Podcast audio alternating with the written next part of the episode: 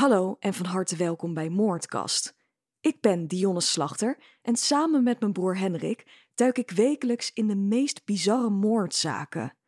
Inmiddels is Moordkast al een tijdje exclusief te beluisteren via de app Podimo. Hier op Spotify zie je dus lang niet al onze afleveringen. Wil je nou alles beluisteren? Zorg er dan voor dat je lid wordt van Podimo. De eerste 30 dagen zijn gratis te beluisteren. Ga daarvoor naar podimo.nl/slash moordkast om je via deze weg aan te melden. En wij hopen jullie daar weer terug te zien.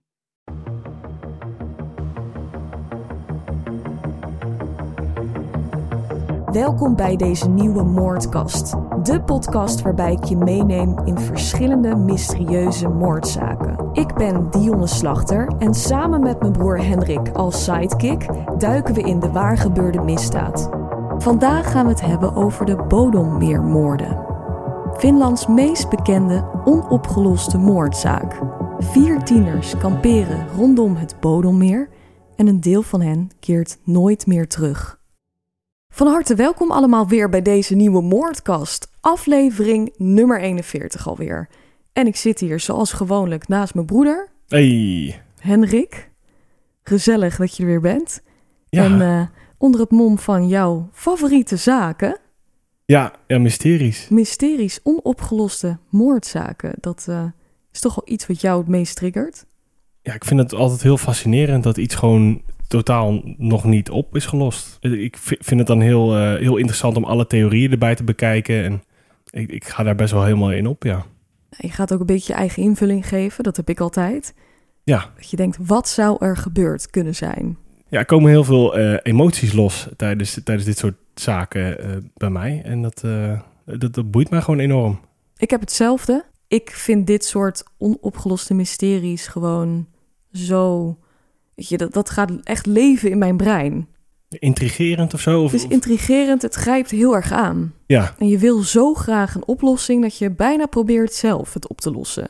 Maar ja, dat gaat niet. en je gaat ook echt af en toe denken, dat, tenminste bijna denken van, nou ja, dit, eh, dit, ik heb de, ja, Ik heb de oplossing. Ik weet hoe ik ga het de zit. sleutel vinden, ja. ja. Ja. Eventjes waarschuwing vooraf. Het is dus een onopgeloste moordzaak. Eh, er zijn best wel wat mensen die daar niet zo heel goed tegen kunnen. Dus eh, die, die bijvoorbeeld het niet heel prettig vinden als er ja, geen rond verhaal is. Dat het einde mist. Ja, grappig dat we allemaal zo, zo verschillen dan, hè? Ja. Als jullie dit verhaal helemaal hebben gehoord, ja, op onze Instagram, Moordkast, zoek ons eventjes op, volg ons daar, kunnen we gerust even napraten over deze zaak. Want dit soort verhalen bieden daar echt de ruimte voor, denk ik. Ergens deze week zullen wij beeldmateriaal posten. Voel je vrij om eh, daaronder jouw theorie achter te laten. Wij zijn heel benieuwd. Ja, super interessant om te lezen altijd. Wat anderen ervan denken, hè? Ja, Ja. zeker.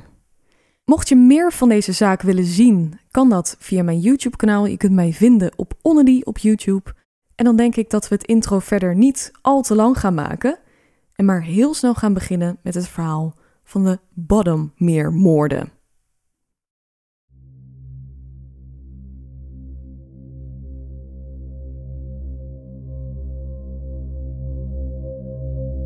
Dit verhaal speelt zich af in Finland in 1960, rondom het Bodommeer.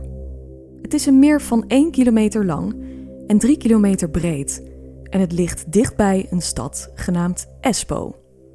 Het ligt echt in het zuidelijke eh, puntje van Finland, helemaal onderin. We kennen Finland natuurlijk als een prachtig land. De bossen, de prachtige meren. Finland heeft niet voor niks de bijnaam het land van duizend meren.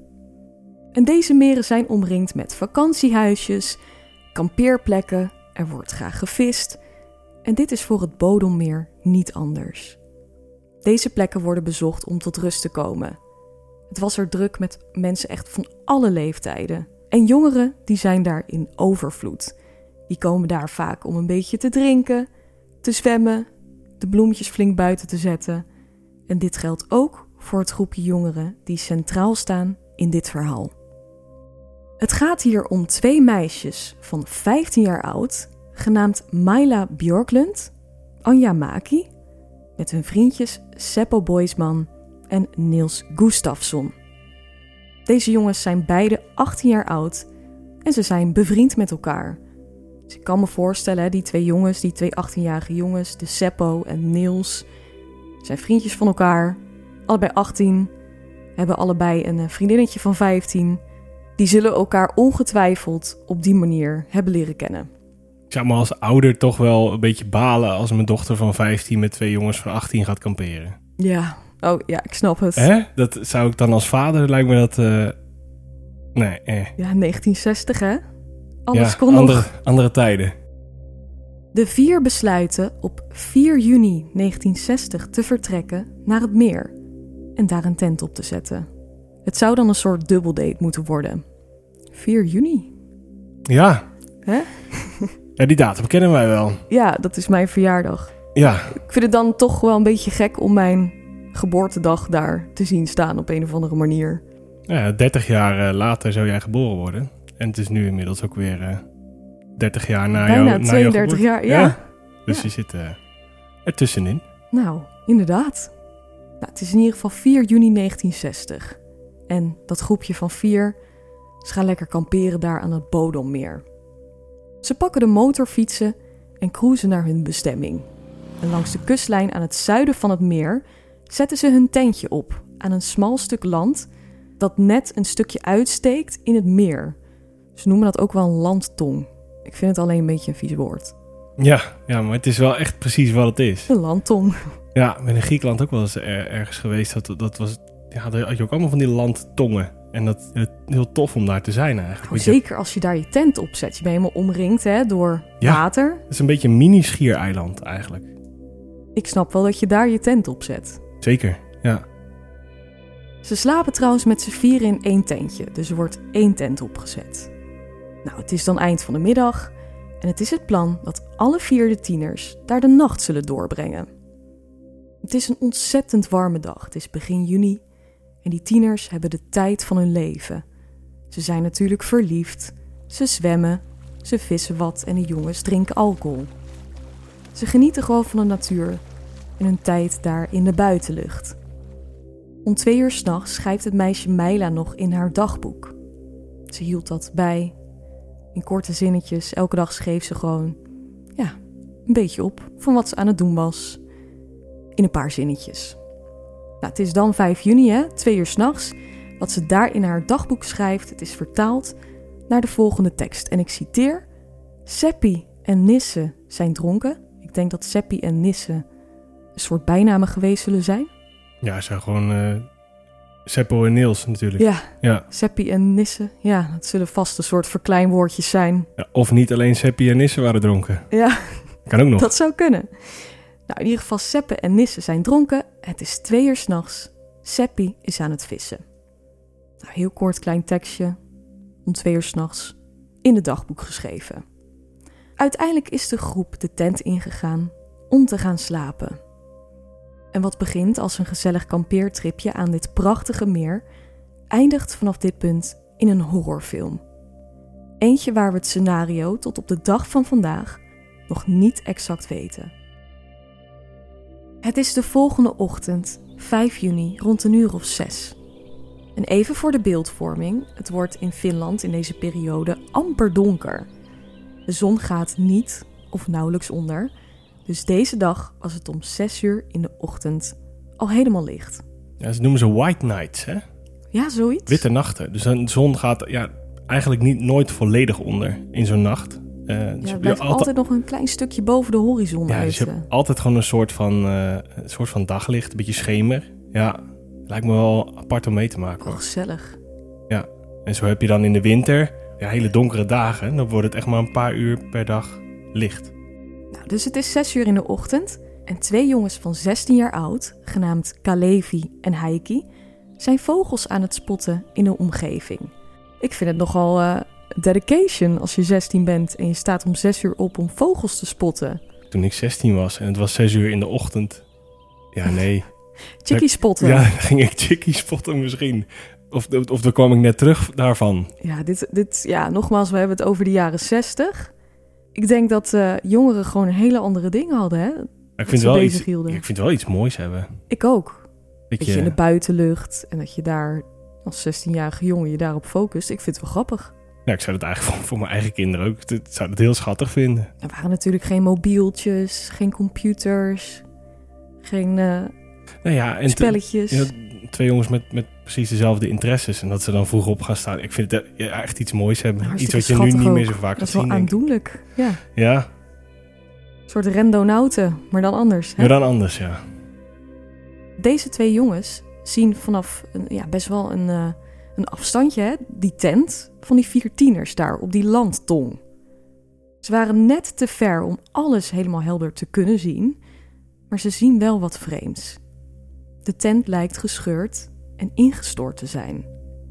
Een van de jongens denkt dat er iemand in slaapt. Hoe gek het ook is, er komen een stel benen onder de tent uit, terwijl die tent is dus helemaal ingestort. Op dat moment zien ze een blonde man weglopen van de tent richting het zuiden, het strand op.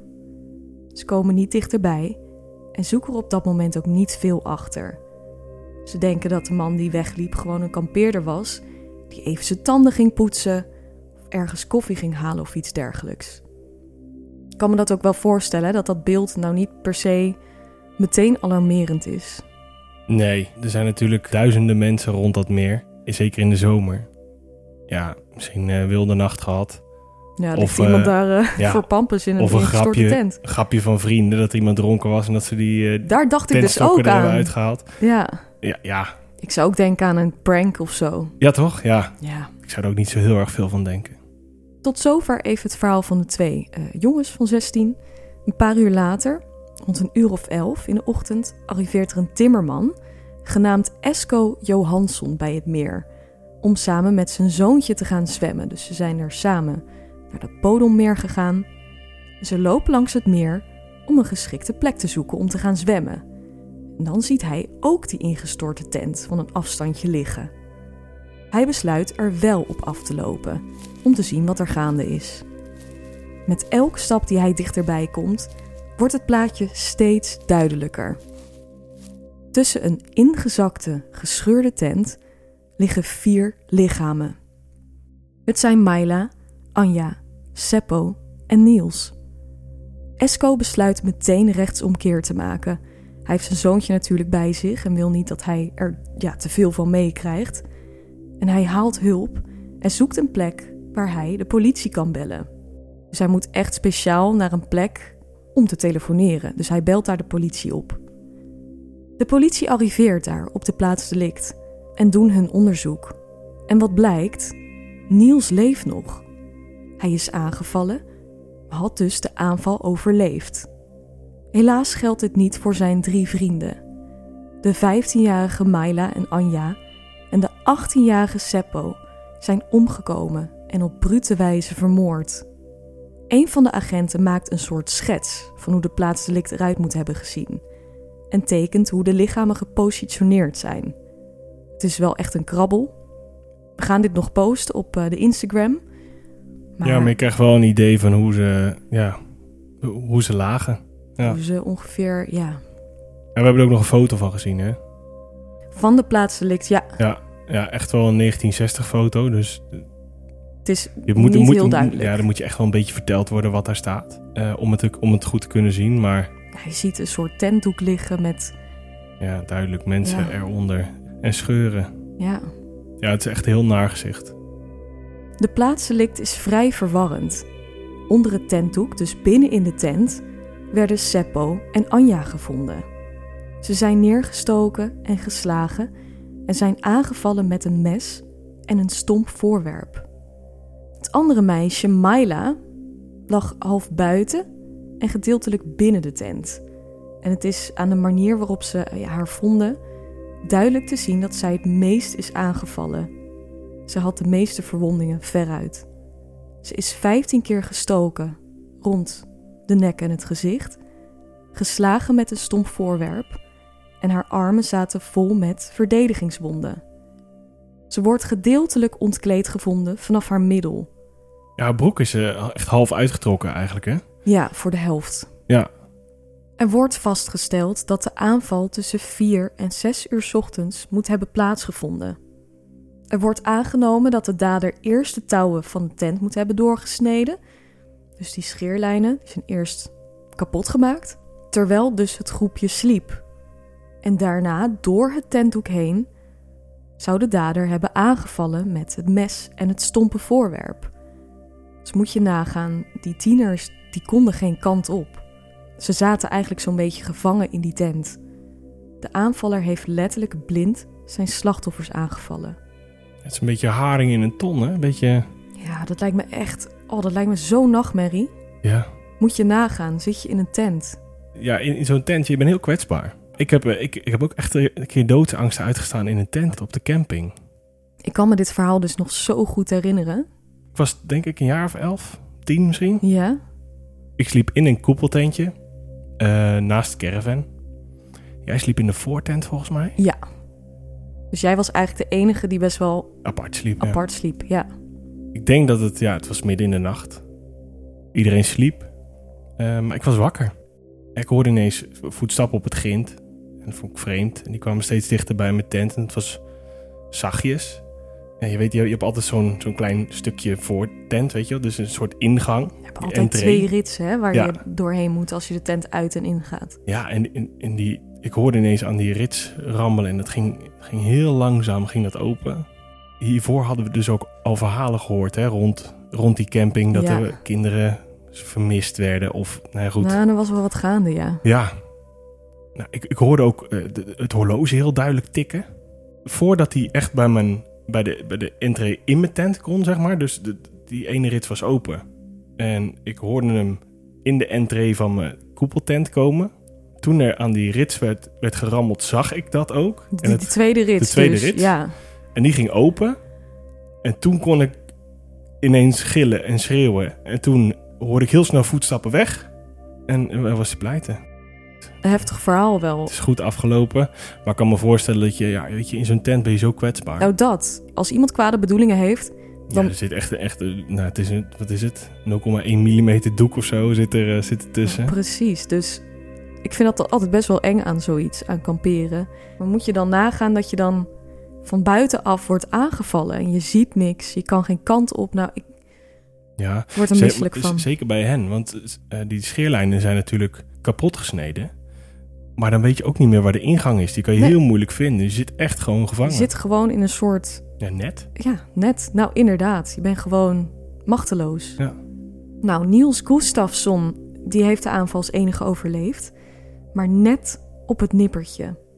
Hij had flink gezichtsletsel opgelopen door slagen met een stomp voorwerp, een gebroken kaak en een enorm diepe wond in zijn kaak of in zijn wang.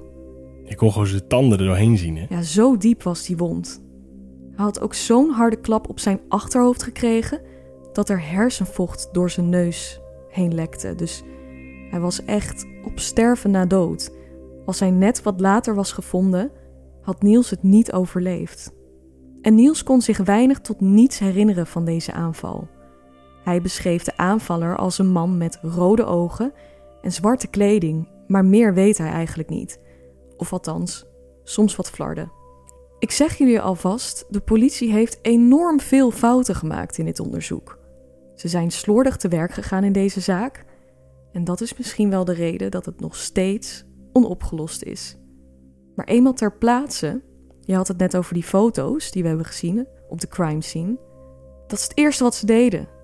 Ze begonnen foto's te maken. Ja, terwijl Niels daar gewoon nog lag, hè? Die, was nog, die leefde nog. Ja, maar ze hebben niet gecheckt of de slachtoffers überhaupt nog leefden. Of Nee. er iemand te redden viel. Gewoon vanuit gegaan dat ze... Dood zijn. Ja, Ze zijn gewoon direct foto's gaan maken. Terwijl Niels daar op het randje van elke de dood... seconde telde eigenlijk Ja. voor hem. Ja, bizar. Ik snap best wel dat dat moet, hè? Dat je de plek niet moet besmetten. Maar dat is toch je nummer één prioriteit. Om Ja. de slachtoffers langs te gaan. Om te kijken of er nog een hartslag is. Ja, maar je gaat, toch, je, je gaat toch ook bij de politie of bij een hulpdienst om mensen te redden? Even, even foto's maken. Ja, is dat een beetje doen. Ja. ja, dat is onbegrijpelijk eigenlijk. Nou, ze begonnen dus eerst met fotograferen. Natuurlijk moeten ze daar foto's van hebben, maar het is gewoon gek. Zeker als je de rest van het verhaal gaat horen. Want de politie heeft voor de rest helemaal niet hun best gedaan om de plaatsdelict te beschermen. Je moet daar echt heel zorgvuldig mee omgaan, zo'n plaatsdelict. Dit waren ze dus totaal niet. Het gebied werd niet eens afgezet en omstanders liepen gewoon tijdens het onderzoek op de plaats delict. Om te vragen van joh, kunnen we ergens helpen? Hartstikke goed bedoeld, maar Ja, maar ook gewoon mensen die totaal niks met het onderzoek te maken hadden. Die konden daar gewoon vrij komen. ja, die konden daar ook gewoon doorheen lopen. Werd niet afgezet, helemaal niks. Dus ja, de crime scene die was gewoon verstoord. En bepaalde sporen zijn hierdoor vast verloren gegaan. Of niet bruikbaar geworden daardoor. Even ter verdediging hè, van de Finse politie. Ze zullen in die regio... Sowieso is Finland qua criminaliteit een land met hele lage cijfers. Ik kan me heel erg voorstellen dat je rond zo'n meer... Nou ja, misschien wat luidruchtige tieners hebt af en toe. En misschien dat er een keer een brommer wordt gestolen. Of, maar heel veel meer zal er niet gebeuren. Ze hadden waarschijnlijk niet heel veel ervaring met in dit die regio, dingen. dat wil ik er eigenlijk mee zeggen. Ja. En eh, ja, daar zijn eh, Plus, nogmaals, fouten. jaren 60, andere tijden. zeker andere tijden, ja. Ook na het onderzoek, toen de politie vertrok, werd het gebied niet beveiligd. Het werd overlopen met nieuwsgierige mensen en ramptoeristen. En daar kwam echt heel veel kritiek op. En terecht. Het kwam echt in de kranten terecht hoe de politie te werk is gegaan. En tot overmaat van ramp komen ze ook tot de conclusie dat er nogal wat spullen misten van de jongeren. Maar hier kwamen ze dus veel later achter. En toen hadden ze alles al vrijgegeven. Dus die hele plek.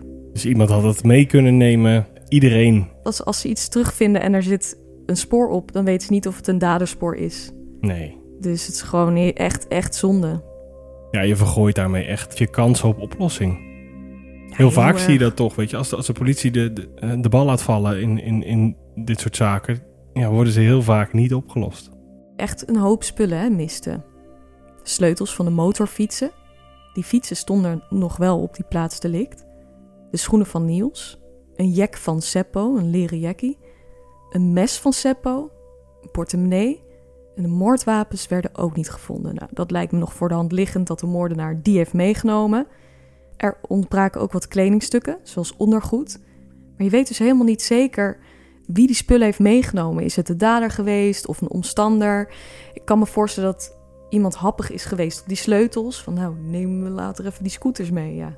Ja, ja we trouwens wel echt mooie... Mooie oude Mooie motoren, vintage ja. eh, motorfietsen. hè? Ja, ja. ja, en dat mes vind ik ook wel interessant. Ja, zou dat Zie dan die- het wo- moordwapen Ja. zijn geweest, hè? Waarom ontbreekt dat? Ook niet onbelangrijk, zeg maar. Nou, op een gegeven moment, die politie heeft zoiets van... we moeten het- het goed maken. Mensen kregen er lucht van. Van, hé, hey, dit gaat helemaal niet goed. Die politie is er een beetje een potje van aan het maken.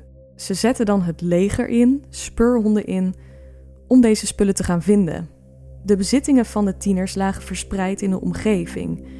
Eh, op ongeveer 500 meter van de tent... werden de schoenen van Niels gevonden... en delen van kleding. Dus zoals het ondergoed, dat werd gevonden. Ik kon niet vinden of ze nog meer hadden gevonden, maar het merendeel van de items die zijn voorgoed verdwenen. Ze hebben echt heel veel niet gevonden, dus moordenaar zou het mee kunnen hebben genomen. Of misschien omstanders, we weten het niet. De politie denkt dat de dader de persoonlijke bezittingen heeft gestolen en op zijn terugweg wat van deze spullen heeft gedumpt. Dus zoals de schoenen van Niels. Ze denken niet dat het diefstal het motief moet zijn geweest, maar eerder dat het een bijzaak is van de aanval. Een hele rare reden. Waarom zou jij als dader...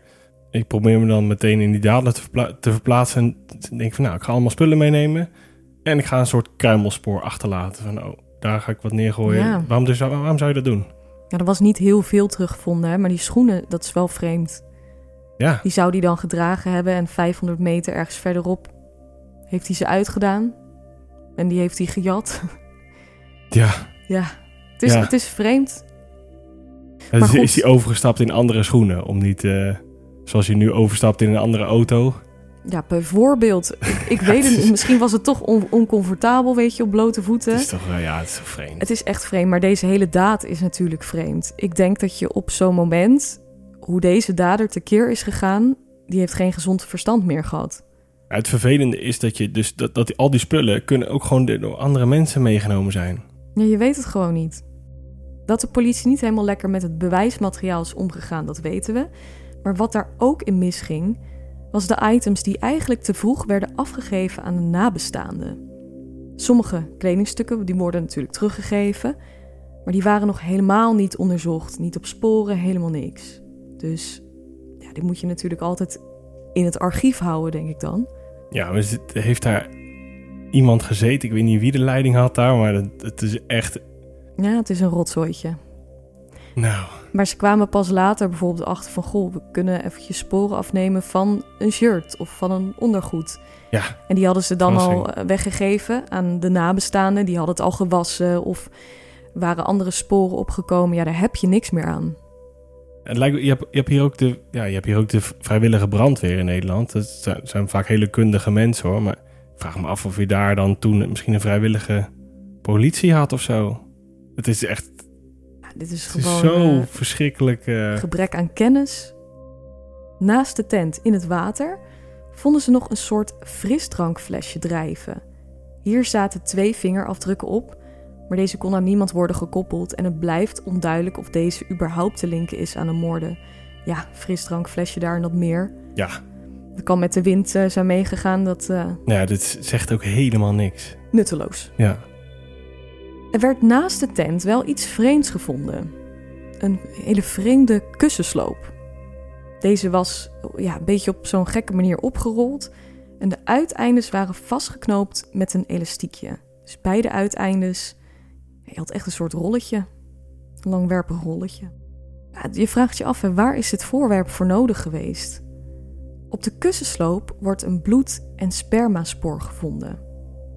Van het spermaspoor kon worden aangetoond dat het niet van de twee jongens was. Dus niet van Niels of Seppo. Maar dat zou dan van een onbekende man moeten zijn geweest. Het bloedspoor wat erop zat, daar konden ze dan weer niks mee, omdat er verschillende bloedsporen met elkaar waren vermengd. En ja, het is de jaren 60, de technieken, je kunt je voorstellen, die waren niet fantastisch. Dus de bloedsporen die konden niet van elkaar worden gescheiden. Tijdens het onderzoek werden meer dan 4000 mensen ondervraagd. Die daar misschien aan het kamperen waren of in de buurt woonden. Gewoon iedereen werd ondervraagd. En daaruit komen drie belangrijke getuigenverklaringen. Een vrouw die verderop, een beetje links van het meer, die woonde daar, had twee jongens zien vissen rond een uur of vier in de nacht. Wie weet waren dit Niels en Seppo wel. Niels denkt echter dat dit niet zo was omdat hij zich toch meent te herinneren dat ja, zij niet op deze specifieke plek aan het vissen waren. Ja, ze zijn aan de westkant gezien. En ja, zij kampeerden in het zuiden. En zij, ja, hij zegt, joh, we zijn niet zo ver van, die, van onze plek af geweest. Daar hebben we niet gestaan. Ja. ja, dus hij denkt dat zich nog wel te kunnen herinneren. Er zijn bepaalde vlagen van daarvoor. Dat weet hij nog wel ongeveer. De tweede getuigenverklaring kwam van de jongens Heiki en Kalevi, dus die twee vogelspotters, die een blonde man hadden zien weglopen van die ingestorte tent. En de derde verklaring komt van Olavi Kivilati. Ik weet niet of ik het goed zeg, het zal wel, maar Olavi Kivilati. Prachtige naam. Olavi die was aan het vissen op een rots daar in de buurt. En ook hij had een blonde man vanaf de tent van de jongeren zien lopen ook richting het zuiden. Zij geeft een beetje diezelfde omschrijving als uh, en Kalevi. Ja, en hun tent stond aan het, op het zuiden, dus dan liep hij dus weg van het meer. Ja, dus naar het strand. Dus op die landtong hadden ze die blonde man zien lopen richting het strand. Dus van die landtong af ja. richting het zand. Dus hij was dan het zuiden opgelopen, de bossen in. Precies, de bossen in, ja. ja. Nou, precies dezelfde omschrijving als die twee jonge jongens. Die omschrijving die luidt als volgt. Het zou om een witte man gaan, tussen de 20 en 30 jaar oud. Hij zou licht haar hebben gehad, toch een donkere broek met een licht overhemd of een jasje erop. De politie gaat ervan uit dat deze man de dader is. Maar de belangrijkste getuige is natuurlijk wel Niels. Niels kan zich dus amper nog wat herinneren en de politie laat hem onder hypnose brengen om te kijken of er iets in zijn onderbewustzijn zit opgeslagen. Je weet het maar nooit. En de uitkomst, die is bizar. Hij weet onder hypnose de aanval tot in detail te beschrijven. Dit is zijn verhaal. Hij en zijn vrienden sliepen in de tent tot hij wakker werd van de tent die ineens op hem viel. Dus dat moeten dus de scheerlijnen zijn geweest die door zijn gehakt. De dader viel aan en de tent scheurde op een gegeven moment open, waardoor hij een glimp had opgevangen van hem. Onder hypnose vertelt hij hoe de dader eruit moet hebben gezien. En dit beeld heeft exact dezelfde overeenkomsten als de andere getuigenverklaringen. Uiteindelijk wordt er een soort compositietekening gemaakt hè, aan de hand van de getuigenverklaringen. Ja, dit zijn dan ook echt precies die overeenkomsten die uh, Niels benoemt tijdens zijn hypnose. Maar er is wel een ding met die hypnose, met die sessie, of dat wel bruikbaar of geloofwaardig is. Dat is bij zo'n groot ding, hè? Heel veel psychologen zeggen dat het gewoon niet mogelijk is. Als jij zulke amnesie hebt, dus dat je, dat je, niet, meer, dat je het niet meer kan herinneren, dan, dan kan je iets niet via hypnose zo terughalen. Dat is dat ja, blijkbaar het, onmogelijk. Volgens specialisten zou het zo moeten zijn dat als jij door uh, ja, hoofdtrauma, dus een klap op het hoofd, dingen niet meer kunt herinneren, dat die geheugenverlies, ja, dat, dat is ook echt verloren. Dat kun je niet meer even, je kunt niet even een laadje opentrekken. Het staat niet ergens op je harde schijf uh, waar je nog eventjes uh, bij kan. Nee. Dat zeggen specialisten. Ik weet natuurlijk niet precies hoe dat zit, maar ik weet het niet. Ik denk dat hij misschien zelf een beeld heeft gecreëerd van de dader. Ik kan me wel voorstellen dat als jij zoiets meemaakt, dat je misschien een eigen beeld creëert. En dat dat er misschien uitkomt tijdens zo'n hypnose, of dat hij daadwerkelijk wel iets heeft gezien. Ja, of hij, of hij heeft die compositietekeningen van die andere getuigen ook al gezien. Ja, dat konden we dus ook niet vinden. Ja, en dat is, weet je, dat is wel essentieel natuurlijk, want dan uh, vormt hij hetzelfde beeld. Ja. Uh, ja, daar kan ik me er iets voor voorstellen. Maar ik denk als jij in die tent zit en je wordt zo, en, er wordt zo geslagen en je, er is een paniek en ineens gaat, gaat dat tentdoek open, zie je dan ineens iemand? Glim. Moeilijk. Nou ja, ja het is licht hè. En die kan je dan zo beschrijven? Aan de hand van uh, zijn verklaring tijdens die hypnose is er een compositietekening gemaakt. Maar eigenlijk bij iedere getuigenverklaring, dus die twee jongens en die man, uh, die visser, daar zijn ook tekeningen uitgekomen. Ja, uiteindelijk zijn er vier tekeningen. Ja, wie van wat is, dat weet ik niet. Maar allemaal over die ene... Blonde man. Blonde man. En uh, natuurlijk Niels die het over zijn aanvaller heeft. En uh, als je alles naast elkaar legt, komt alles wel super goed overeen. Ja, ze tekenen eigenlijk allemaal, of tenminste ze laten allemaal dezelfde man tekenen. Het is oprecht ook een heel opvallend gelaat. Ja, die, die, die herken je, die zou je uit duizenden moeten herkennen. Ja.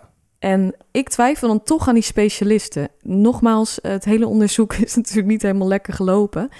Maar misschien zou het toch wel kunnen hè, dat iemand dat uh, ergens heeft opgeslagen. Je weet het niet.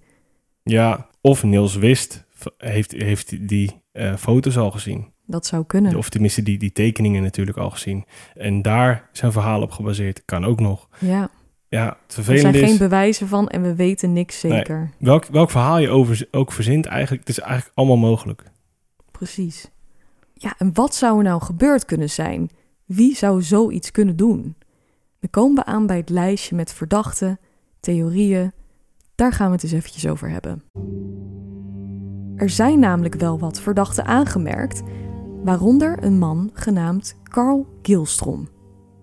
Hij was de plaatselijke kioskeigenaar en had daar een kraampje bij het Bodelmeer.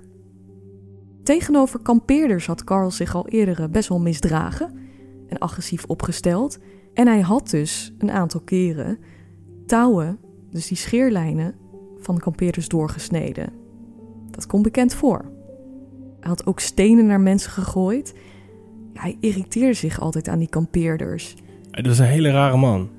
Het was echt totaal geen gezellige man, zeg maar. Maar even, hè, je, je zit daar aan het meer met je kiosk. Of in ieder geval een winkeltje met snoep, ijsjes, weet ik veel wat. Dat beeld heb ik er een beetje bij. We hadden vroeger de minimarkt op de camping. Nou, Carl Gilstrom ja. had daar een soort minimarkt, een, een kiosk. Ja, het is een hele rare vent. Er gingen hele rare verhalen ook over hem. Alcoholist, zou zijn kinderen slaan. Het, eh, was, het is een hele zijn vrouw ook, hè? Zijn vrouw, maar ook inderdaad hekel aan kampeerders. Ik denk, ja, wat, dan zit je toch maar wat doe je daar? Zit je op de verkeerde plek. Maar ook een verhaal dat hij scheermesjes in appels verstopte en die dan verkocht. Nee joh. Aan dus kampeerders. Maar een hele rare... Dat rare is kwast echt gewoon. wel serieus. Ja. Ja, Maar ook met die scheerlijnen doorsnijden, hè, dat had hij dus ook al gedaan. ja, want ja. ja gewoon i- iemand die... Hij Ja, had vooral een hekel aan luidruchtige kampeerders, vooral jongeren. Daar had hij het niet zo mee. voor mij was het ook wel echt iemand die, die in deze tijd toch gewoon wel hulp had eh, gekregen. Nou, Ergens Maar- voor. blijft een beetje gek, want hij moest het van die kampeerders hebben. Hè? Dat, dat was gewoon, denk ik, zijn inkomstenbron. En dan, eh, nou ja, Ja, hij was niet bepaald klantvriendelijk, zullen we maar zeggen. Tijdens dat onderzoek heeft de politie natuurlijk rondgevraagd en die 4000 mensen ondervraagd. En eh, nou, of iemand iets opvallends had gezien. En Carl was een aantal keren door verschillende mensen genoemd. Dus deze Carl die wordt ondervraagd. Zijn spullen worden ook doorzocht. Carl had in zijn omgeving ook ja, een paar bekentenissen gedaan. Hè? Dat hij wel wat met de moorden te maken had. Alleen dat was af en toe onder invloed, soms ook nuchter. In ieder geval had hij gesuggereerd dat hij er wellicht meer van wist. Ja, misschien ook wel mensen bang te maken voor hem of zo. zo ja, zie ik hem ook al vooraan dat hij zegt: hey, kijk wat er met die tieners is gebeurd. eh. ja, maar ook in, in zo'n kleine gemeenschap. En, en ik denk dat hij er toch wel aardig uitsprong qua ja, een beetje, een beetje dorpsgek ja, dorpsgekkie. Ja, Ja, hadden op de camping ook wel een beetje een dorpsgek. Die heeft het al gauw gedaan. Ja. Ja. ja, de politie denkt daar dus ook zo over. Die neemt het niet helemaal serieus. Ook eh, had hij een alibi. Hoewel geen sluitend alibi. Ja. Want Ik vond dit ook weer zo Nou. amateuristisch, jongens. die vrouw van hem, die had hem een alibi verschaft. Dus die heeft gezegd, joh, mijn man was gewoon bij mij thuis. Lag in mijn bed. Ja, dus, en dat is het sluitende alibi. Zo, oh ja, nou dan is hij het niet geweest. Nee, dan nemen we dat gewoon voor waarheid aan. Gaan we gewoon weer verder. Je kan iemand niet afstrepen als verdachte Nee. als jouw vrouw zegt... nee, je hebt toch meerdere mensen nodig die dat verifiëren. helemaal als algemeen bekend is dat hij zijn vrouw slaat. Ja, en bedreigd ook, hè. Dus wellicht heeft hij haar gewoon onder bedreiging eh, hem die alibi gegeven. Ja, Nou, dat ligt best wel voor de hand. Nou, dan gebeurt er wel iets eh, dramatisch. Want negen jaar na de moorden, in 1969, pleegt Carl zelfmoord in, jawel, het Bodommeer. Hij liet zichzelf verdrinken, hij is dat water ingelopen en heeft het leven gelaten. ja en veel mensen zien dat dan toch als een soort verkapte schuldbekentenis. Ik Eh, snap dat wel, ja. Ja, terwijl die ook gewoon... Ja, hij woonde daar in de buurt, dus in principe hoeft dat niet. Ik vind, ik vind het wel een, een bepaalde manier van, van zelfmoord plegen. Ik vind het wel echt... Natuurlijk is het sowieso al heftig als je jezelf het leven ontneemt, maar jezelf verdrinken, Nou, jezelf in een meer lopen, ik... Ja, ik snap dat niet. nee. Want Ja, het is misschien een beetje gek, En je maar snapt het sowieso niet, maar het is moeilijk om uit te leggen. Maar het is, lijkt me wel een, een van de moeilijkste opties. of hij kon niet zwemmen, weet je. Ik weet niet of in de jaren 60, hij is natuurlijk al best wel oud dan... Ja, Of hij vroeger op zwemles heeft gezeten, dat hij zichzelf niet kon redden. Dat kan natuurlijk ook, hè? Ja, maar als je in die, in de- die omgeving... Het zou kunnen. Ja. Zwemlessen lagen misschien in die tijd niet zo voor de hand als dat het nu is. Het zou misschien wel een verklaring zijn. Want je hebt toch op een gegeven moment die overlevingsdrang, lijkt me. Ja, maar ja, de- ja, als je niet kan zwemmen of je krijgt kramp. Ja, maar vooral als je niet kan zwemmen, verdrink je natuurlijk. Ja, dat, dat, Als je diep genoeg gaat, dat snap ik dan. hij was dus alcoholist, bedreigde en mishandelde zijn vrouw en zijn kind.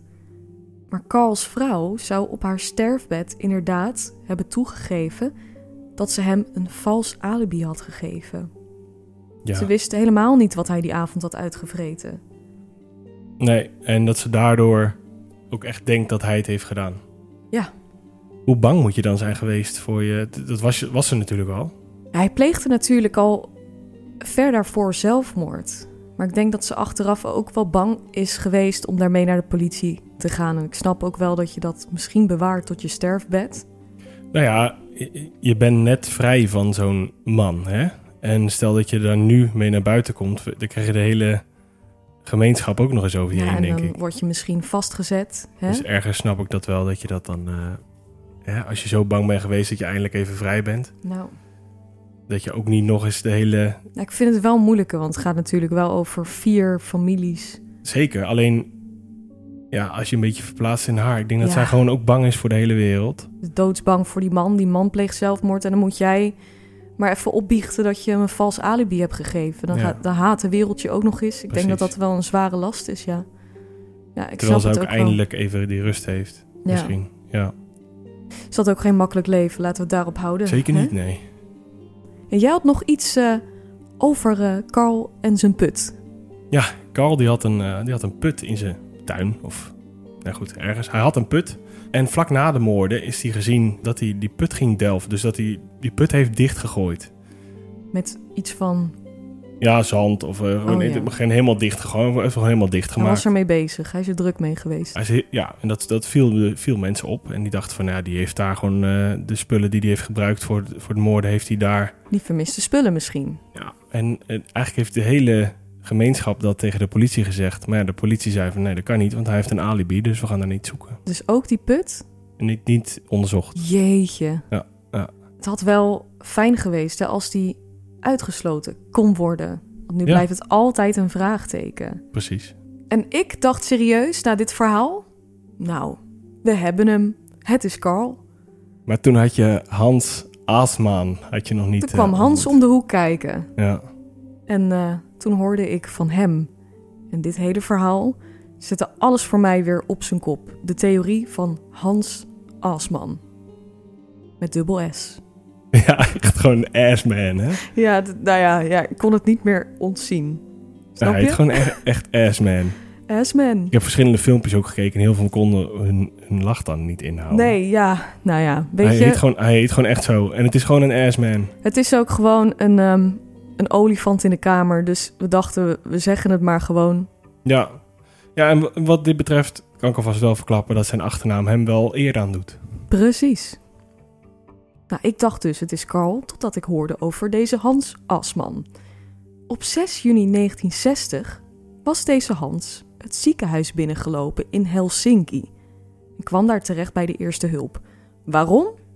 Dat weet niemand, tot op de dag van vandaag niet. Maar hij had vuile handen. Zijn kleding zat onder het bloed, of in ieder geval iets roods wat leek op bloed. Hij leek ontzettend gespannen te zijn en hij deed ineens alsof hij flauw viel. Deze Hans was erg in de war bij de eerste hulp. Met wat voor klacht hij daar kwam, dat weet niemand in ieder geval. Hij deed alsof hij flauw viel. En één iemand van het personeel besloot de politie te bellen. Die vertrouwde het niet. Maar de politie was er wederom niet happig op om hierop af te gaan. Dus de kleding, de bloedsporen, wat mogelijk op zijn kleding zat. Het is nooit onderzocht of vastgesteld of eh, dit afkomstig was van een van de drie, vier tieners. Eh, weer, hè. Dan ga, dan ga je dus druk maken om 4000 mensen interviewen. En dan, Krijg je deze tip? je krijgt gewoon, joh, ik ga het even ga zoeken. Ga, hier, het is een man, Op een presenteerblaadje. toch? Ga, ga minimaal daar gewoon binnen vijf minuten zijn. Nou, nee. Nee. Nee, geen zin. Ik weet het niet. Maar goed, ze hebben het gelaten. Ze, ze hebben gewoon niks met die melding gedaan. Heel zonde. Hans woonde 8 kilometer bij het meer vandaan, bij het Bodommeer. En er zijn echt flinke gelijkenissen met de compositietekeningen die zijn gemaakt. Hè? Dat is niet normaal. Nou, als je, als je de compositietekening ziet en je ziet de foto van Hans. Ja, is exact hetzelfde. Ja, die gelijkenissen zijn niet te missen. Dat Het- is echt... Ah, het was ook de, was een man met lang blond haar, hè? Ja, En ja, hij heeft dan ook tegen die tijd heeft hij gewoon zijn haar kort geknipt. Toen, Toen, toen die compositietekening in de media verscheen met die beschrijving van die blonde man, eh, wist Hans niet hoe snel hij naar die kapper moest om zijn haar af te knippen. ja, Dus die heeft zijn haar kort geknipt. Ook de kleding die hij eh, aan had in het ziekenhuis, die voldeed aan de beschrijvingen. Ik vond nog wat opvallende informatie van deze Hans Asman. Hij zat in het Duitse leger tijdens de Tweede Wereldoorlog. Hij beweert zelfs dat hij eh, bewaker was in Auschwitz. beweert hij dat? Ja. Of, of was dat eh, een beetje de mythe die werd een beetje gevormd rond hem? Ja, dit was zijn verklaring. Hij heeft later ook met een journalist gepraat over zijn leven. En Ja. Komen de wildste ja, verhalen voorbij. Dus ik weet niet of het echt zo is. In ieder geval vertelde hij vaak over zijn eh, verleden. Ik had wel een soort bewijs, tenminste zijn vrouw kon volgens mij bewijzen dat hij een, een salarisstrookje had van de Luftwaffe. Dus dat hij inderdaad in het Duitse leger had Ja. gezeten. Nou, dat is één ding wat zeker is. Alleen de rest... Er zijn eh, wat... eh, Ja, ja, Ja. er rammelt wel wat. Ik weet niet. Het, kunnen indianenverhalen zijn. maar is sowieso, weet je, dan ga, dan ga je naar Finland en dan ga je zeggen, joh, ik was bewaker in een concentratiekamp. Joehoe, Ja.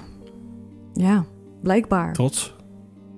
Hij beweert ook een voormalig spion of een KGB-spion te zijn geweest. Een oud KGB-agent. Het is een beetje de, de Secret Service, zeg maar, van eh, een beetje Sovjet-Unie. Ja, Nou, dit was hetgene waar hij heel erg mee opschepte. KGB, ja. Ja, ja Poetin was dat ook. Ja, oh, dat heb ik ook gelezen, ja. Ja. Maar dit was wat in die buurt over hem rondging. Hij was zo'n spion en hij was een interessant figuur. Ook wel een beetje een figuur waar mensen ja, bij uit de buurt bleven. Ja. ja, hij zou gevangen zijn genomen door de Russen of zo. En toen, eh, ergens in 42, 43. En toen eh, is hij daar... Een spion geworden. Spion, maar dit is zijn contra. verhaal. Dus ja, nogmaals, we weten niet of het echt waar is. Het is niet duidelijk of hij dit dus allemaal echt heeft meegemaakt... of dat dit verzinsels zijn. Maar de man was in ieder geval nogal een kluizenaar. En er is een voormalig hoofdinspecteur... die Hans verdenkt van nog vijf andere moorden. En die heb ik eventjes opgesomd. Nou, de eerste gaat om een 17-jarig meisje genaamd Kiliki Sari... En die werd vermoord in 1953. Zijn auto was gespot hè, in de buurt van die eh, plaatsdelict. En het meisje was ook doodgeslagen met een stomp voorwerp. Ja, samen met zijn chauffeur zijn ze... Er waren twee mannen in een, in een echt een enorm snelle auto... of tenminste een snel rijdende auto gespot. Hij zou dezelfde auto hebben. En inderdaad door een stomp voorwerp. Ik weet niet dan of de doodsoorzaak... of, of dat de auto het stompe voorwerp misschien was. Ja, dat weten we dus niet. In ieder geval. eh, Maar dat graf was heel raar gemarkeerd, toch? Haar graf was gemarkeerd met een eh, puntige stok in, eh, ja, die in de grond gestoken was. Die zat overigens de, door haar maag heen gestoken. Jeetje. Terwijl zij lag, lag begraven daaronder. Ja, mensen vonden dus die stok vonden ze vreemd. En ja, zo is zij eigenlijk gevonden. Dus door die stok. Ja, Wat een gruwelijke daad ook. ja. Twee jaar later, in 1955, vindt er weer een moord plaats op een vrouw genaamd Ellie Imo. En zij is doodgestoken. Ja, zij is in de nek gestoken vlak voor de poort voor haar huis. Of de poort voor de oprijlaan. Ja, zij was die avond gaan dansen. En ja, ze is gaan dansen met iemand die eh, ja, ontzettend lijkt op Hans Aasman. Dus eh, ja, dat is de link die, eh, die Hans Aasman bij deze moord heeft. Ja, dan is er nog een moord. Een dubbele moord op twee jonge vrouwen in 1959. Opvallend is dat dit ook gebeurde rond een camping, waar hij volgens zijn ex-vrouw op dat moment ook in de buurt was. Ja, ja Dus- zijn, zijn ex-vrouw pla ja, die plaatst hem inderdaad daar. Ja, interessant. Nog een opvallend ding, deze moord, nou, 1959, vond best wel vlak voor de moord op de drie tieners plaats, hè? voor de Bodommeermoorden. De tijd ertussen was slechts 10 maanden. Het lijkt alsof alsof de tijd ertussen steeds korter wordt of zo. Ja, telkens ja, gebeurt er wel weer wat. En op een of andere manier is er altijd een klein linkje naar deze Hans. Deze twee vrouwen die zijn met een stomp voorwerp eh, ja, aangevallen en doodgestoken. En drie jaar na de Bodommeermoorden is er een moord gepleegd op circa Lisa Valjus. Daar wordt Hans ook mee in verband gebracht. Dus buiten de Lake Bottom Murders eh, wordt Hans Asman in verband gebracht met de moord op Kiliki Sari, Eli Imo, dubbele campingmoorden in eh Tuliati, dus die twee vrouwen, en de moord op Circa Lisa Valjus drie jaar na de Bodelmeermoorden. Dat zijn er dus vijf. Het lijkt erop dat al deze moorden een verband hebben met elkaar. De manier waarop de vrouwen zijn vermoord ligt allemaal in één lijn, alsof dit ook echt van één dader moet zijn geweest. Ook in een van die moorden is ook zo'n stok gevonden in zo'n graf. Ik weet niet welke van de vijf het was. Ja, dat is heel vreemd dat je daar zo'n soort landmark neerzet. Veel hier. eh, Ja. Ja. Misschien was hij wel van plannen te verplaatsen. Ja, je weet het niet. In veel gevallen, in de zaken die je net noemde, eh, zijn de vrouwen of meiden teruggevonden. Het eigenlijk hetzelfde als het meisje van Lake Bodom. Met dat, die er bovenop op lag, Ja, die- bovenop de tent. Die er echt het ergst aan toe was. Ja. Waarbij de broek was uitgetrokken. En ja, zo lagen deze vrouwen eh, er ook bij. Dus vandaar dat, dat, ja, dat best wel aan elkaar gelinkt wordt. alles op een hoop. Er komen gewoon wel wat dingen overeen. Ook het, het moordwapen. Hè? Het is of uh, slaan met een stomp voorwerp op of iemand neersteken. Dan is er nog een andere hele opvallende zaak. Die uh, plaatsvindt in 1984, dus 14 jaar na de Bodommeermoorden. Een 30-jarig stel, een Nederlands stel, dat had jij uitgezocht? Ja, ja, ik zag de namen en ik zag ook een foto van hen. En ik denk, joh, dit is typisch Nederlands. Alleen ik wilde het even weten of het echt Nederlands was. Toen ben ik een Zweedse documentaire gaan, gaan kijken. En toen zag ik daar een krantenknipsel en er stond Hollandsk Vaparen of zo. Dus Ja. is een Nederlands stel. Een uh, Hollands paar. Ja. En uh, dit stel is precies op dezelfde manier vermoord in de tent. Ze zijn doodgeslagen en gestoken vanaf buitenaf, blind door een dader. Er was ook een ingestorte tent, dus ook daarvan waren die uh, scheerlijnen doorgesneden. Weet je, dit is natuurlijk een moord die, die zo bizar is in zijn uitvoering. Alleen dit vond plaats in Zweden. En in Stockholm werd de camera van het stel gevonden. Die was gestolen van de plaats delict. Dit is dan een hele kleine mini-link naar Asman. In ieder geval heeft de dader de reis gemaakt naar Stockholm met die camera. En uh, ja, Asman, die verbleef in Stockholm toen de tijd. Ja, ik dacht ook echt meteen van wat is nu de link met Hans Asman? Ja, ik weet het niet. Kijk, het is natuurlijk wel misschien heel erg zoeken. Maar het zijn wel heel erg veel... Een mini-link, maar het is ja, toch... Ik moet zeggen dat er zat zaken zijn in de wereld waar ik helemaal geen link mee heb. Eigenlijk denk ik met allemaal niet. En Hans Asman heeft toevallig met zeven zaken heeft hij links. Ja, en Het valt wel heel erg op. inderdaad. En dan ook nog die compositietekening. Nou, dat is gewoon Ja, maar hij is, hij is dat. Ja. Ja. Er is ook een foto van, hem, eh, van de begrafenis van de kinderen van, eh van Lake Bodom. Dus van, van het Bodommeer, moet ik zeggen. Daar is een, een gezicht omcirkeld. Wat ja, eigenlijk, dat is Hans Asman. Je ziet dat op die foto anders. een eh, enorme menigte van mensen. Ja. Midden in die menigte staat een heel opvallend figuur met lichtblond haar. Een beetje diep liggende ogen, hè, zoals de compositietekening wordt afgebeeld. Best wel teken, ja, een getekend gezicht. En die persoon zie je in die menigte staan. Op die foto, op de begrafenis van die drie tieners. Ja, hij, dat, dat moet Hans Asman zijn geweest. Of degene die daar is geweest. Maar, Of de dader, ja. maar dit, dit is zo sprekend. Nou, dat was echt een bizarre foto, want het is gewoon de compositietekening. Ik vond het echt freaky. Ja, ook, hij heeft ook echt... Kijk, jullie zien het natuurlijk vanaf hier niet. We zullen het op de Instagram gooien. Het is echt een eng gezicht. Dat is een enge man. Ja, Hans Asman is zowel voor de bodemmoorden als de andere vijf moorden en de dubbele moord in Zweden nooit veroordeeld of berecht of wat dan ook. Dus daar kunnen we geen uitspraak over doen. Dat blijft een raadsel. Ja, iemand is en blijft onschuldig totdat het tegendeel bewezen is. Er gaan ook weer verhalen dat de politie eh, Hans Asman niet te veel heeft ondervraagd. Want ja, hij was eh, een spion van de KGB en daar moesten ze voorzichtig mee zijn en dat soort dingen. Nou, dat typeert wel een beetje de politie zoals ik hem in deze Nou, zaak ik, ken. Ik heb, ik, volgens mij hebben we dat nooit zo erg eh, gezien, hè? Weet je waar dit verhaal natuurlijk helemaal begonnen is? In dat ziekenhuis. Hè? Dat Hans Asman ja, met zijn bebloede kleding binnenkwam. En alles op een hoop. Hans Asman, die heeft de schijn tegen zich. In 1997 doet hij op zijn sterfbed nog wat uitspraken. Er was een journalist die hem nog wilde spreken. Hij geeft toe dat hij te maken heeft met de dood van Kiliki Sari. Dus dat eh, meisje van 17 die vermoord is in 1953. Hij zegt dat het een ongeluk zou zijn geweest. Dat hij haar had aangereden en hij zou het ongeluk op een moord doen willen laten lijken om het te verdoezelen. Het gebeurt toch altijd, altijd andersom? Dat je een moord wil lijken, laten lijken op een ongeluk. Je gaat een on- ongeluk toch niet laten lijken op een moord? Nee, Dat is toch vreemd? heel ik heb het nog nooit gehoord. Nee, ik denk ook dat er niet heel veel van waar is. Ik denk wel dat hij het heeft gedaan. Ja, dat wel. Zeker Ja, na deze biecht. zeker. Ja. Als de journalist vraagt of hij iets te maken heeft met de moorden aan het Bodommeer, zegt hij het volgende. En ik citeer: Ik moet je teleurstellen, ik zal niet spreken over de details. Ik zal niets toegeven, noch ontkennen. Nou, dat zegt ook een hoop. Ja, maar als hij dan gaat zeggen van... Ik had, ik had een beetje de hoop van... Ik ga niks zeggen over de details. Toen dacht ik van oké. nu komt... eh Ja, nu komt er iets. Komt er een bekentenis of zo. En toen is het, ja, nee, ik ga niks zeggen. Ja, maar hij zegt dat hij het niet gaat ontkennen en ook niet gaat toegeven.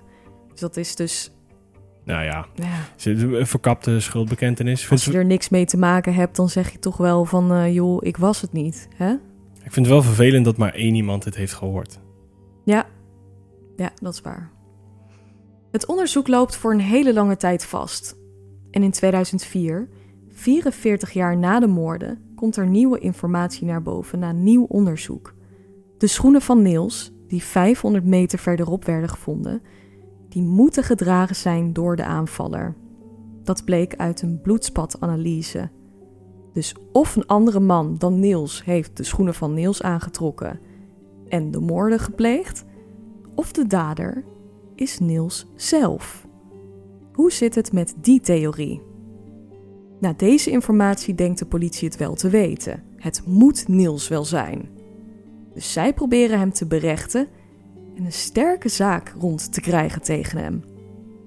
Het Openbaar Ministerie eist levenslang tegen Niels Gustafsson en werd na 44 jaar gearresteerd op verdenking van de moorden op zijn vrienden.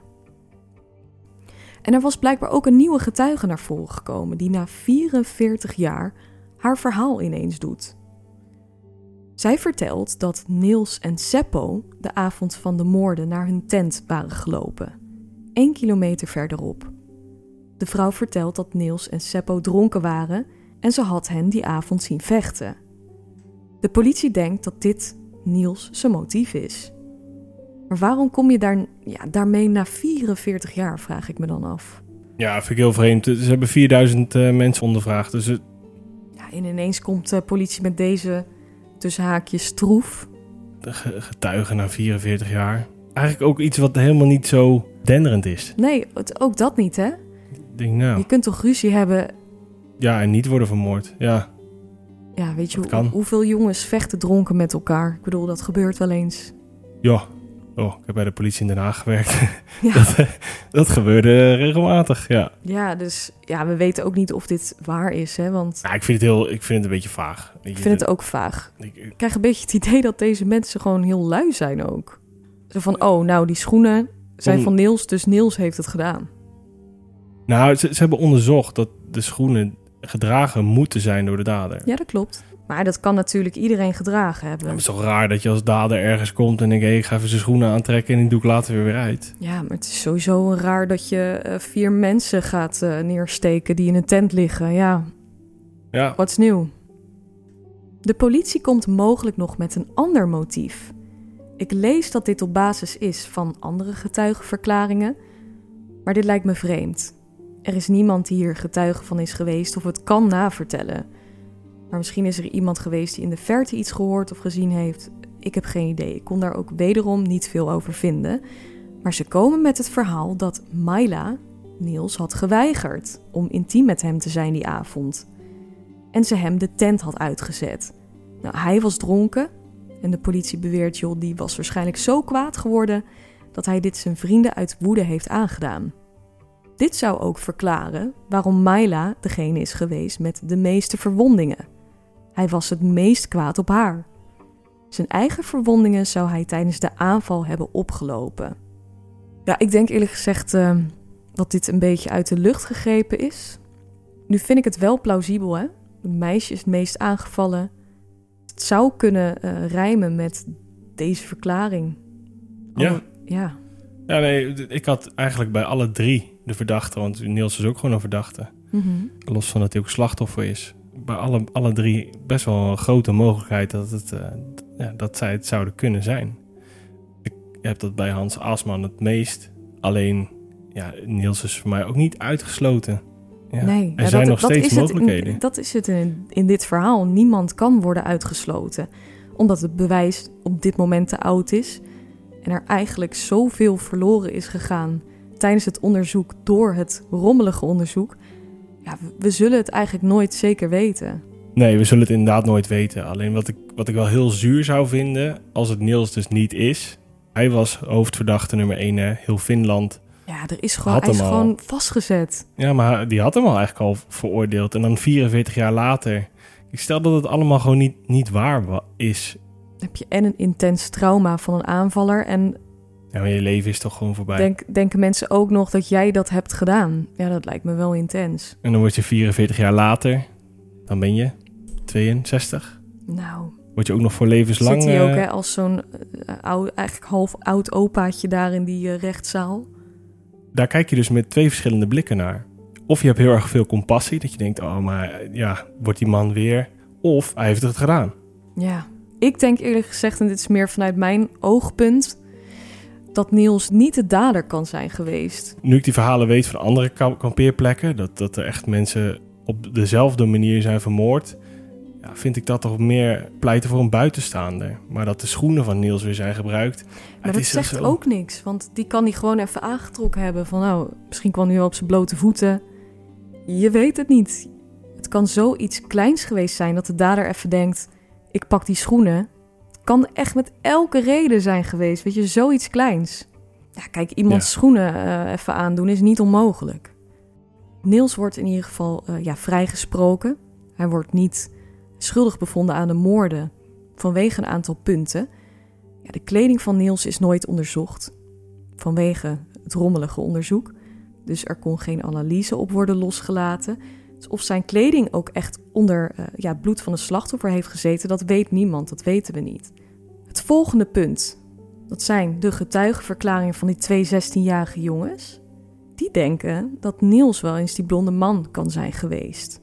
Maar de visser, die andere getuige, die die verklaring heeft afgegeven, die zegt weer nou, die man die ik heb weg zien lopen, die blonde man, dat is Niels niet geweest.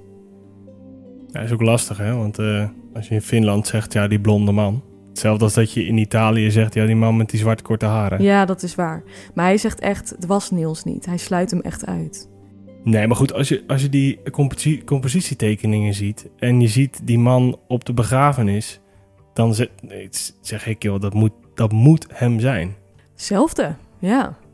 En dan zie je Hans Asman en dan denk je, ja, eh 1 en 1 moet bijna gewoon 2 zijn. Ja. Nou ja, voor mij is Hans het zeg maar het meest voor de hand liggend. Nog een punt. Niels' verwondingen waren echt heel ernstig. Zou hij zichzelf dit echt hebben kunnen aandoen? Kan iemand zichzelf zo hard op het achterhoofd slaan dat zelfs hersenvocht eruit lekt? En snijdt iemand in zijn eigen wang tot je de tanden ziet, weet je wel? Ja, maar dat kan natuurlijk wel eerder ontstaan zijn. En dat hij misschien op, op adrenaline nog, nog verder is gegaan. En daarna, eh, ja, dat, zou allemaal kunnen. Het zou kunnen dat iemand heeft teruggevochten. Maar ik denk dat de meest aannemelijke toch wel is, is dat Niels zijn bloed gevonden werd in de tent. Wat suggereert dat hij samen met zijn vrienden werd aangevallen toen hij binnen in de tent was. Uiteindelijk waren al deze punten in ieder geval voldoende om Niels vrij te spreken. En eh, hij krijgt zelfs een eh, ja, schadevergoeding van 44.000 euro. Omdat hij heel slecht werd behandeld door de politie en de media. En alles Dat dan- hele trauma weer opborrelt en hij er zelfs ja, voor is berecht. Is dat dan, krijgt hij 1000 euro per jaar of zo? Het is 44 Nou, jaar geleden Dat natuurlijk. vind ik toch best wel een. een Ik vind het dan, daar kom je heel berooid, Nou. kom je heel berooid vanaf. Vind nou, ik. vind ik ook. Vind ik 44.000 euro niet zo heel veel voor Nee, wat. Nee, Als, als die man echt onschuldig is, en ja, daar neigen we natuurlijk wel een beetje naar, maar we weten het niet. Dan is zijn leven op dat moment. Is 44.000 een schrale troost. Ja, nou, de- geen enkel bedrag gaat het goed maken. Nee. Hè, want je bent je bent daar je vrienden en je vriendinnetje kwijt. Eh, en daarna verdenkt heel Finland je, omdat de politie zijn werk niet heeft gedaan. En je hele leven draag je dat mee. En Wat dan, een je, trauma moet je dan hebben. hé. ja, maar dan heb je echt gewoon een kutleven. Dan zit je daar 44 jaar later, word je gearresteerd en berecht. Maar het stomme is, het kan nog steeds dat hij het ook Het dat kan hij nog het gedaan heeft. Al was er bewijs of materiaal bewaard gebleven op een goede manier, hadden we daar nu zoveel mee gekund. Ja. Trouwens, die kussensloop. Je zou denken, dat DNA-spoor, het spermaspoor, dat gebruiken ze daar in die zaak tegen Niels. Maar dat hebben ze eh, ja, niet gedaan. Ook Niels, zijn advocaat, heeft die eh, kussensloop niet gebruikt. Terwijl je toch denkt, nou, een spermaspoor niet afkomstig van Seppo, niet van Niels, dan zou er een andere dader in het spel zijn geweest. Maar er werd nog gedacht dat eh, de kussensloop van een andere kampeerder afkomstig was, die dat daar heeft neergelegd. Ja. Het is zo wat, gek. wat voor ja, dit is wat de politie dan weer zegt. Ja, het is echt te belachelijk voor woorden. Hè? Maar in ieder geval de verdediging en de aanklager... die wilden het niet als bewijsmateriaal gebruiken tijdens de zitting. Omdat eh, ja, die sloop die kon niet goed worden getest. Er is gewoon niet goed mee omgegaan met die kussensloop ook niet. Ze konden daar niks mee. Ook wederom niet goed bewaard gebleven. Of was het zo'n vaag bewijsstuk... dat ze het niet hebben gebruikt als bewijsmateriaal. Heel veel bewijsstukken die, die echt key waren, zeg maar, in het, on, het key Waaronder konden. die kussensloop. Ja, Ja, het is konden zijn. frustrerend. Ja, omdat ze gewoon echt niet weten joh, lag dit er al? Ja. Is dit de originele plek? Nou, we zullen het nooit weten. Ik ben ook bang dat dit nooit opgelost gaat worden. Ik bedoel, Carl, die eh, eerste verdachte, die is al overleden. Die heeft zelfmoord gepleegd in het Bodommeer. We hebben natuurlijk Hans Asman, die in 1997 eh, ja, is overleden. En Niels, die is vrijgesproken. En het bewijsmateriaal, er kan eigenlijk niet zoveel meer mee worden gedaan. Ja, er is heel veel vergaan. En dat is eh, ja, gewoon zonde. Eeuwig zonde. Grote kans, inderdaad, dat dit onopgelost blijft. Helaas wel. Het is nu 62 jaar geleden Ja. dat deze moorden plaatsvonden. Nou, echt, echt een bizar verhaal. En dat het later eh, op dat Nederlandse koppel dus ook nog Het lijkt me dus wel interessant om daar ook een keertje in te duiken. Ja, Laten we die eventjes op ons lijstje zetten. Ja, nou, wij kunnen voorlopig nog wat jaartjes door hoor, met onze lijst. Dat denk ik wel. Zo. Ik vond dit ook weer zo'n intrigerende zaak. Ja, frust- maar ook heel frustrerend. Ik heb bij, bij andere mysteries heb ik toch van, oh, wat, is, het- wat kan er gebeurd zijn? En natuurlijk waren daar ook wel fouten van, eh, van, van politie aanwezig, maar dit is gewoon één hele grote afgang van de politie daar. En het- Enorm. ik hoop echt dat, dat nou, misschien het positieve wat Finland hieruit uit heeft gehaald, dat, dat, dat dit gewoon nooit meer mag gebeuren. Precies. Want door zulke nalatigheid. Het is aan alle kanten gewoon zo'n ontzettend naar verhaal. Nog wel een, eh, een feitje, hè? The Children of Bodom.